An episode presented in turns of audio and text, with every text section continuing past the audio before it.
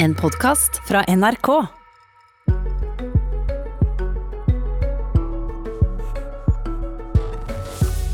Skal vi klare å følge smittevernreglene, trenger vi ei krisepakke til skoler og barnehager, sier Skolenes landsforbund. Kunnskapsministeren mener de bør klare, det, klare seg med midlene de har.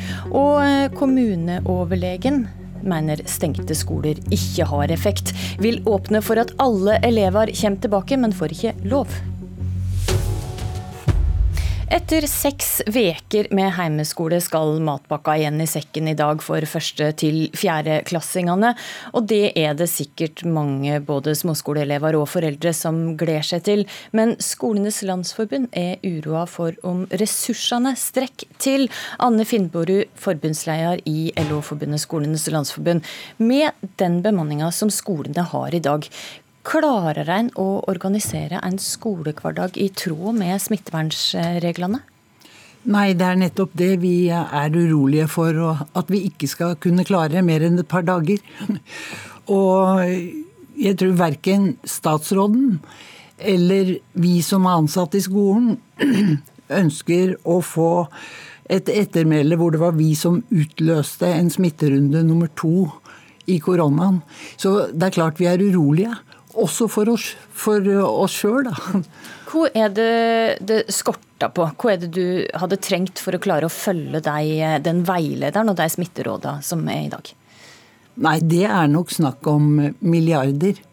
Uh, uh, det er ganske gode og strenge og konkrete smittevernregler, og de skal trumfe alt for å unngå at vi utløser en ny smitterunde.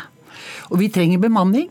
Vi trenger rengjøringspersonale, vi trenger lærere, vi trenger miljøarbeidere, vernepleiere. Vi trenger alt dette i eh, god tilgang på personale for å kunne møte elevene på en trygg måte. Og sånn at foreldrene velger å sende elevene til skolen og barna i barnehage. Og det har det ikke i dag. og Frykter du at dette går ut over smittevernet? At det ikke blir så godt det burde være? Det håper vi ikke. Vi har hatt eh, Altså, det, det kan nok skje. Fordi det er ubehagelig å måtte sende elever hjem og stemme, stenge deler av skolen eller barnehagen. Men det må de gjøre, hvis ikke de finner andre løsninger, altså får flere ansatte. Og du mener rett og slett at skoler og barnet trenger ei krisepakke. Hvor mye ekstra er det du mener de trenger? Det er snakk om milliarder. Nå vet jeg at kommunene fikk fem milliarder utdelt sist fredag. Og det kommer kanskje statsråden til å støtte seg på, men vi tok en ringerunde til noen ordførere i går for å være trygge på påstandene våre. Og de sier at de pengene var borte før de Altså var brukt før de kom. Ikke minst pga. manglende skatteinntekter. Så, så dette er, vi må på en måte bli enige om hva som er virkeligheten ute. Og så er vi, har vi god erfaring med statsråden. Hun er lydhør. Og vi håper nå at hun skjønner at hennes viktigste oppgave er å gå til Stortinget og hente disse penga, så vi kan være trygge. Med, for Høyre med kunnskapsminister Guri Melby fra Venstre. Vil du nå jobbe for at skolene får ekstra penger? Jeg har forståelse for at både Anne Finnborud og lærerne opplever at de er satt i en krevende situasjon. De har på nå ei drøy uke eh, vært nødt til å organisere skolehverdagen på en helt annen måte, og noen blir satt til andre oppgaver. Men det er jo viktig å minne om to ting. da. For det første, som Finnborud også sa, det er allerede bevilga 5 milliarder ekstra til kommunene. De pengene kom på mandag i forrige uke. Og det her med økt renhold f.eks. er jo blant de tingene de pengene er ment å brukes på. Men nå sier jo Finnborg at de pengene det... ikke blir brukt til skolene. De pengene går f.eks. til eh, å dekke inn for eh, tapt skatteinntekter. Ja, vi må jo faktisk kunne forvente at kommunene rundt omkring lokalt også prioriterer det her når det er så viktig. Og så har jeg lyst til å si en ting til, og det er jo at denne Smitteveilederen som ble lagd, den ble jo lagd med utgangspunkt i de ressursene vi har i skolen. Eh, grunnen til at man har foreslått grupper på 15 på småtrinnet og 20 på mellomtrinnet, er jo at vi har en lærernorm i dag som ble vedtatt for noen år siden, som sier at det skal være maks 15 elever per lærer på alle skoler i hele landet. Og alle de undersøkelsene vi har gjort, viser at vi har nådd det målet. gjennom gjennomsnitt så er det vel 14 elever per lærer i småtrinnet i dag i norske skoler. og Det betyr at ressursene finnes, men det kan selvsagt hende at noen er nødt til å gjøre noen andre oppgaver enn i dag. og Jeg forstår at det kan være krevende å få til den gruppestørrelsen som trengs, men ressursene er der. Og så tenker jeg at vi som tilbake stat er nødt til å ha en tett dialog med kommunene. Jeg må bare nødt til å gå litt tilbake til de milliardene som kommunene allerede har fått. For det høres ut på meg som du forventer at disse pengene de skal gå til skolene.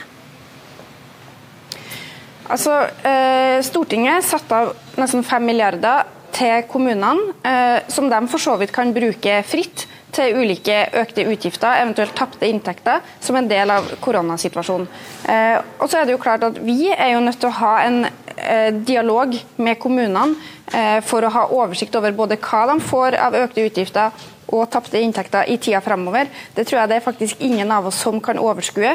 Hvor stor blir konsekvensen av tapte skatteinntekter f.eks.? Hvor mye har man spart på vikarer og renhold når skolene har vært stengt? Dette er jo et stort et stort helhetsbilde, og jeg tror vi er nødt til å ha helheten før vi begynner å lage flere krisepakker for kommunen. Og så tror jeg det er bedre at vi deler det ut som frie midler, enn at vi lager en øremerka pakke for skole og barnehage. For Skole-Norge er så forskjellig.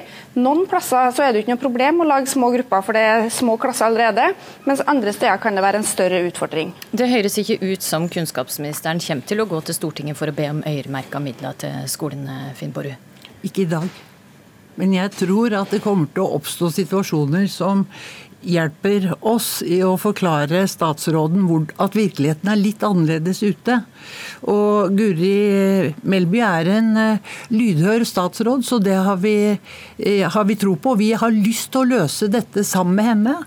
Sånn at uh, hele samfunnet blir trygge, og sånn at vi Altså, jeg ser at det hun gjorde for uh, en drøy uke siden, var å lage forskrifter som gir hjemmel for å ha halv åpningstid i barnehager, og for å redusere undervisningsmengden.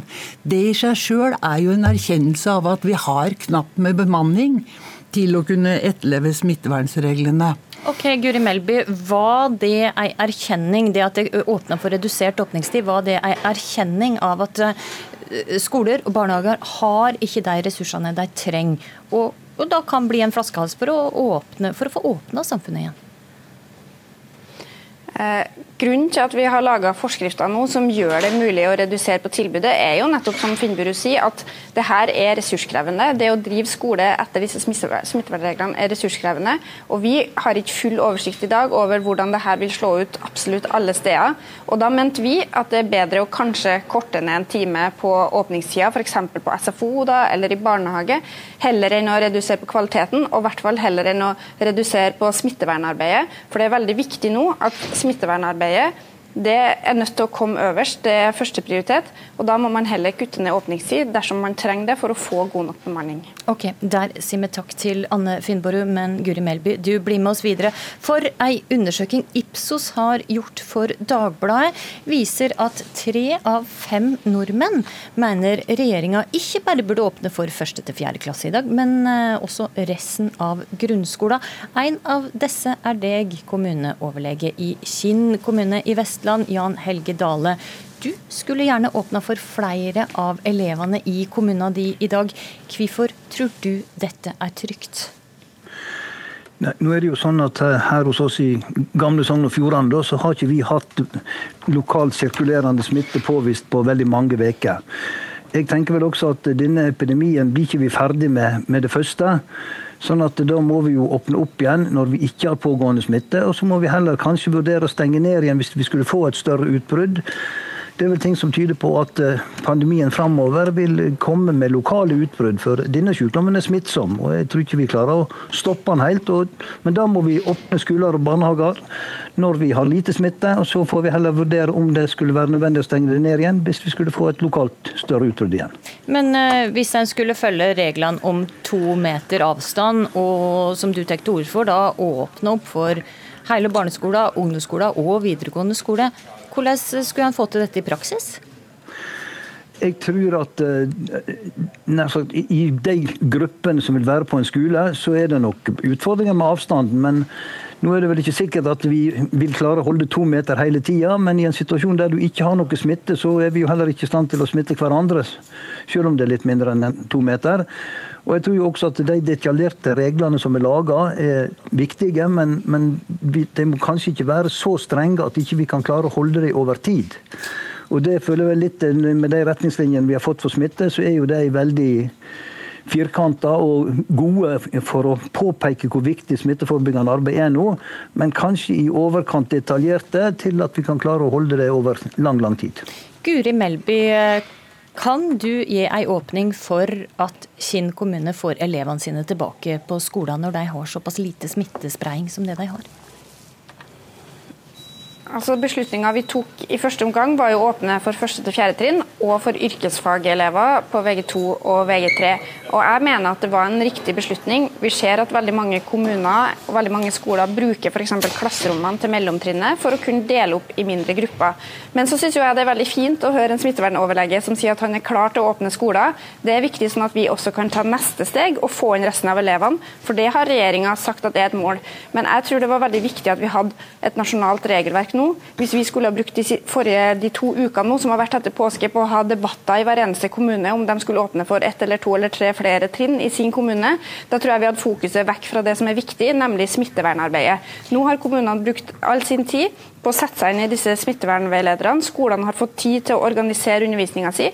Og nå, Jeg mener jo de skal forberede seg på å ta imot de neste trinnene også, men nå får vi også erfaringer fra å ha inn første til fjerde trinn før vi utvider videre. Men eh, kan det bli aktuelt å åpne opp mer i kommuner der det er liten smittespredning?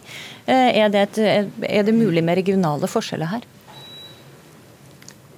Altså Helseministeren har jo også tidligere åpna opp for at det er noe vi vil diskutere i regjeringa. Om vi skal da åpne helt på likt overalt når vi tar de neste trinnene, eller om det kan være lokale eller regionale forskjeller. Så Det er jo et av de innspillene som vi i regjeringa tar med oss inn i de videre diskusjonene som vi skal ha når vi fatter beslutninger om åpning for resten av skoleelevene. Men det jeg har hørt snakke om, er at en kan stenge ned i områder der det er mye smitte. Men jeg har hørt lite snakk om at en kan åpne mer opp enn resten av landet i området uten smitte? Foreløpig har jo i hvert fall jeg opplevd at presset har vært større fra dem som vil ha strengere restriksjoner enn regjeringa, mer enn motsatt. Jeg synes det er fint nå at de stemmene også kommer fram fra kommuner som faktisk ønsker å åpne opp mer.